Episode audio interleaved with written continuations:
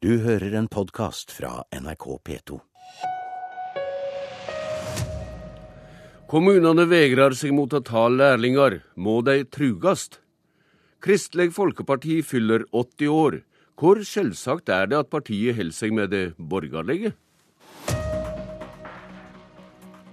God dag, dette er Politisk valgkvarter. I Nyhenda hører vi at det er vanskelig å få lærlingplass i kommunene. Ikke minst gjelder dette i helse- og sosialsektoren. Det kan være trugende dette for evna til å gi omsorgstjenester i framtida. Og i den framtida er du leder i Unge Venstre, Sveinung Rotevatn. Hva er utfordringa slik du ser det? Utfordringene er mange. Det er altfor mange eh, unge i dag som ikke får seg eh, læreplass, både i det offentlige og i det private. Vår hovedgrep for å løse det fra Venstres side er at vi er nødt til å øke lærlingtilskuddet, altså vi fjerner lærlingskatten. For eh, kommunene spesielt så er dette en situasjon jeg kjenner meg igjen i. Nå har jeg eh, reist mye rundt i, i fylket mitt i Sogn og Fjordane som stortingskandidat de siste ukene.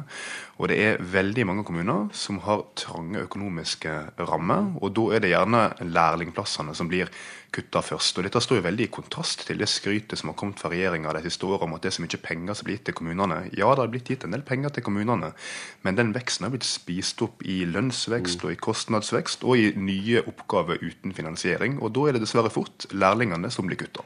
Venstre har markert seg i valgkampen med store pengelovnader til undervisning, og det du sier nå er at du vil kaste enda mer penger etter kommunene for å løse dette lærlingspørsmålet, da?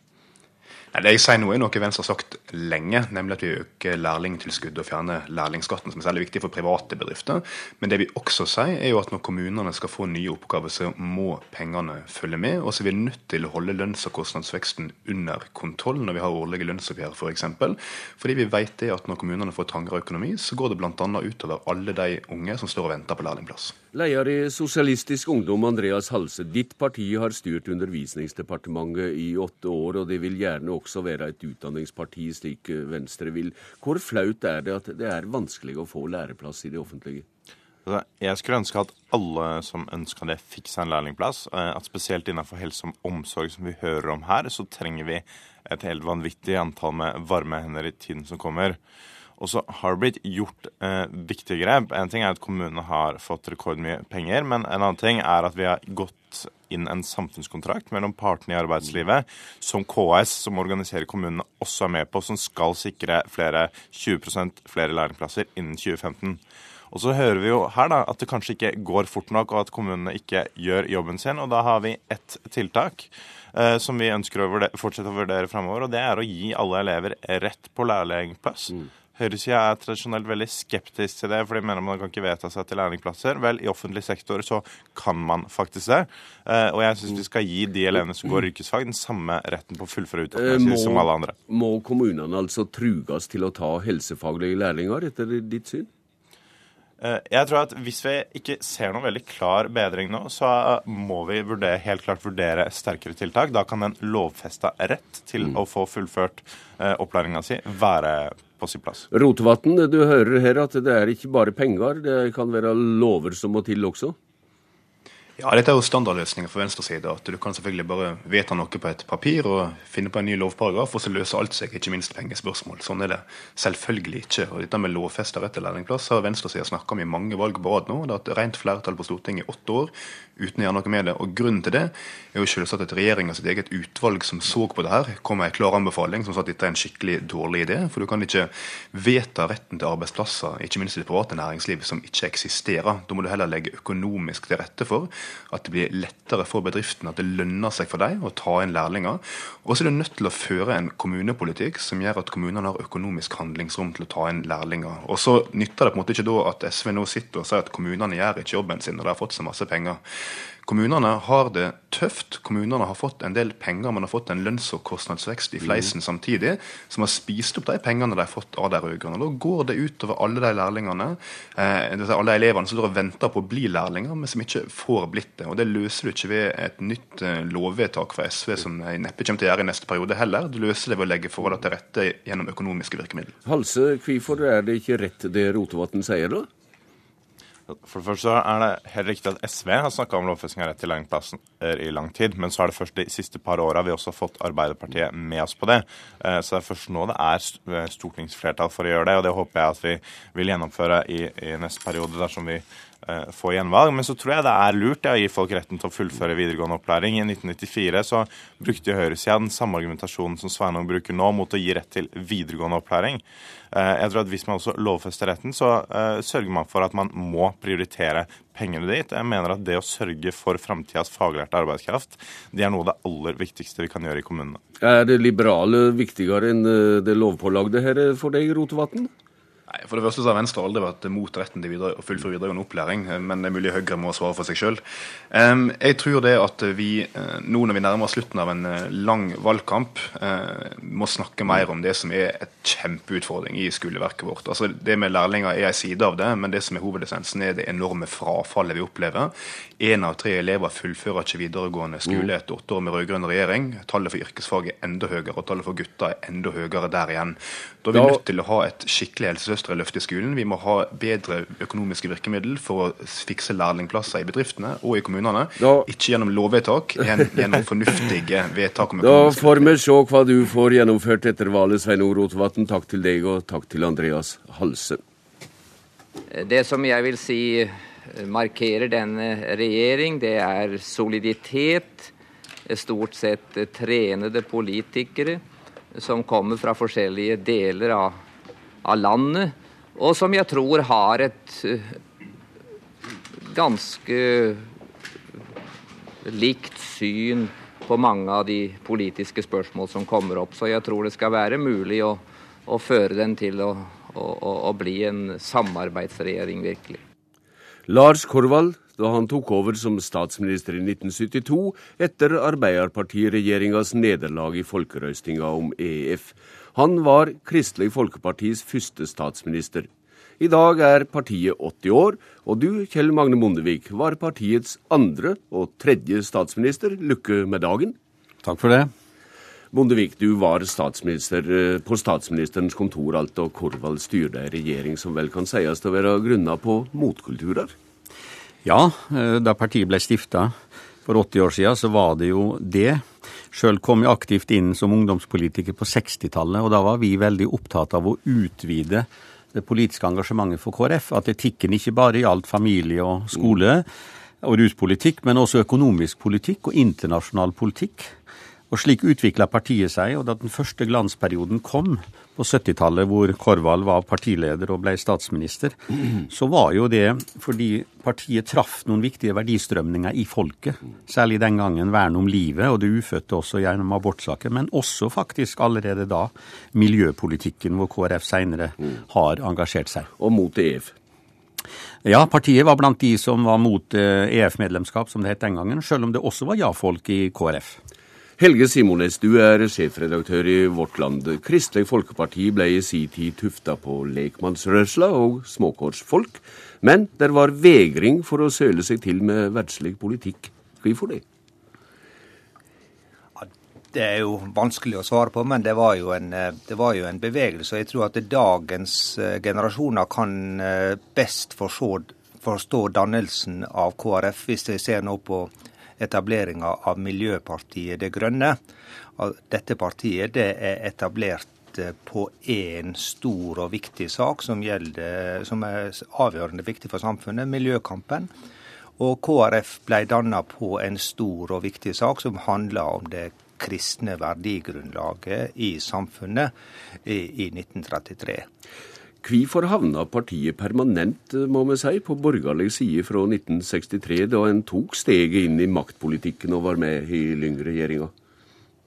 Det har nok eh, veldig mye med Arbeiderpartiets holdning til, eh, til eh, kristendommen generelt og kristne verdier, tror jeg. Jeg tror at det kun hadde Arbeiderpartiet agert noe annerledes i forhold til det, så kunne KrF like gjerne ha havna på en, en, et nærmere samarbeid med Arbeiderpartiet. Mm. Dette er ren teori, selvsagt, men kunne Kristelig Folkeparti stått nærere Arbeiderpartiet uten Arbeiderpartiets statskirkepolitikk? Statskirkelige heidninger, som Zoom kaller det? Jeg er ikke sikker på om det var statskirkepolitikken som først og fremst var problemet, men det var en eh, litt for aggressiv tenkning i, eh, i, i Arbeiderpartiet på å reformere veldig mye av, av familiepolitikken. Og selvfølgelig abortproblematikken har slått veldig sterkt ut. Kristelig Folkeparti har fjerna vedkjenningsplikta for tillitsvalgte, men har ikke fått gjennomslag for, eh, ja velgerne fall, for drømmen om å bli et bredt kristelig-demokratisk parti. Hvordan ser du på at det er slik? Det er, er historier som henger igjen. De som tror at ved at eh, du fjerna bekjennelsesparagrafen for to år siden, at det dermed skulle opp, framstå som et helt nytt kristendemokratisk parti etter europeisk mønster, det er helt uh, urealistisk at det skjer så fort. Dette vil, uh, dette vil ta tid. Men jeg vil hevde at Kjell Magne Bondevik og, og de som styrte partiet på hans tid, de jobba veldig hardt for å få eh, KrF til et, eh, et kristendemokratisk parti og et bredt parti. Og vi ser jo, som Korvald sa, at vi har, vi har mange trenede politikere. Altså, det, det, det, det handler jo om at, at en politisk bevegelse som er i startfasen, har ikke de trena politikerne. og Så får de det etter hvert, og det blir politikk politikk som fag som blir viktig. Da er vi snøkt attende til deg, Kjell Magne Bondevik. Eh, det hadde dykkar største siger hjå velgerne i 1997, og du ble statsminister i ei relativt smal sentrumsregjering. Hvor realistisk mente du da at drømmen var om det breie kristelige demokratiet du flagga? Jo, jeg hadde en drøm om det, og uttalte jo også den ganske frimodig. Jeg tror jeg var på landsmøtet i 99. Ja, det vil jeg huske.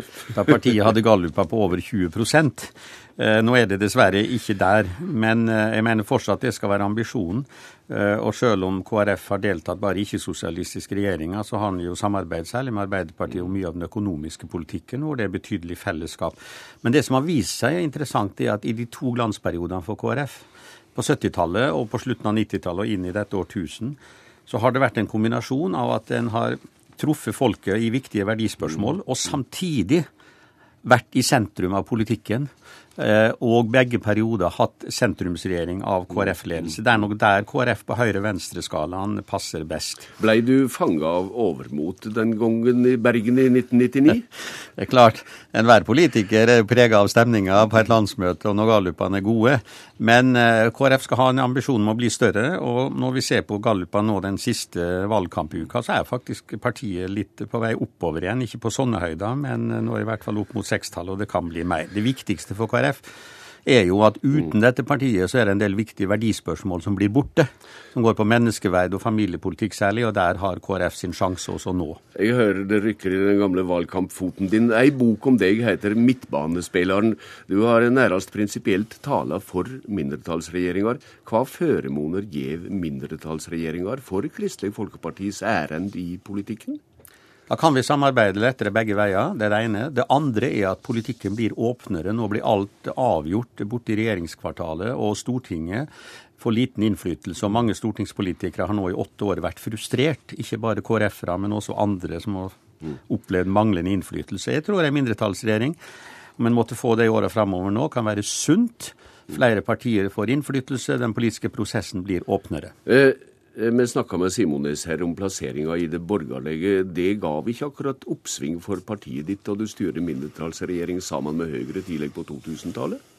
Nei, det er riktig. Eh, men vi fant det politisk riktig, og vi fikk gjennomført mange viktige saker for KrF. Men det gir ofte en slitasje å sitte i regjering. Det opplevde KrF særlig under den regjeringen. Ja, Men hva kan Kristelig Folkeparti da lære i dag av dine rønster fra de siste regjering?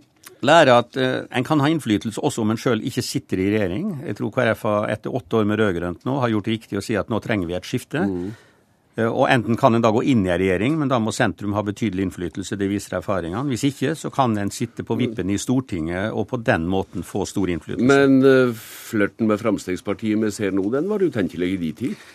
Ja, og nå sier jo også partiledelsen at det er lite sannsynlig at de skal sitte sammen i regjering. Så jeg er beroliga av det, for da er den politiske avstanden for stor. Er det viktigere nå å få en ny regjering, eventuelt med Fremskrittspartiet, enn at Kristelig Folkeparti er med i den regjeringa?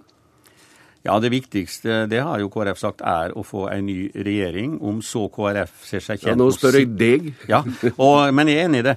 Og om da KrF skal sitte i den regjeringa eller ha innflytelse gjennom Stortinget, det må en vurdere etter valget.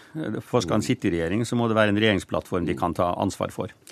Helge Simones, det virker som eh, en i Kristelig Folkeparti nå mener at verdisakene kan sikres med Høyre og Fremskrittspartiet.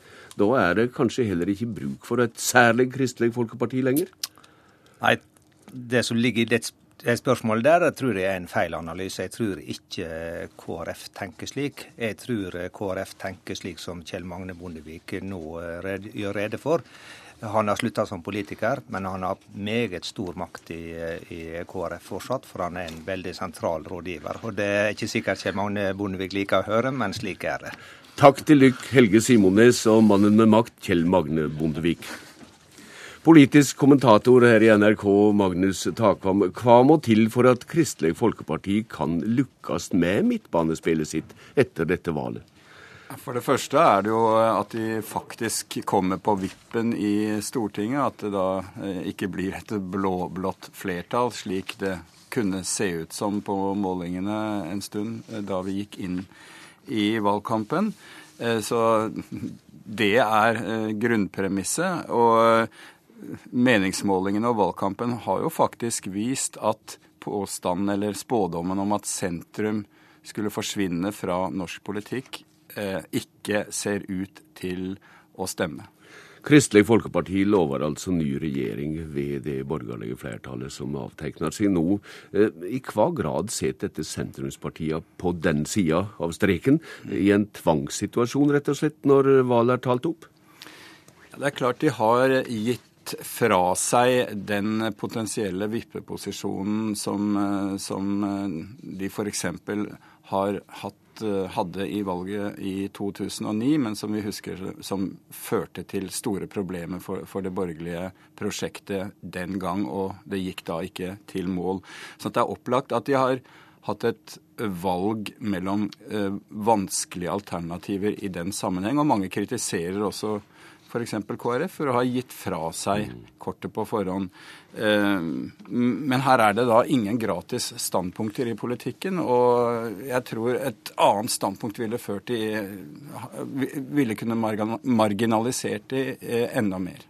Vi snakka tidligere her om Kristelig Folkepartis samarbeid på borgerlig side.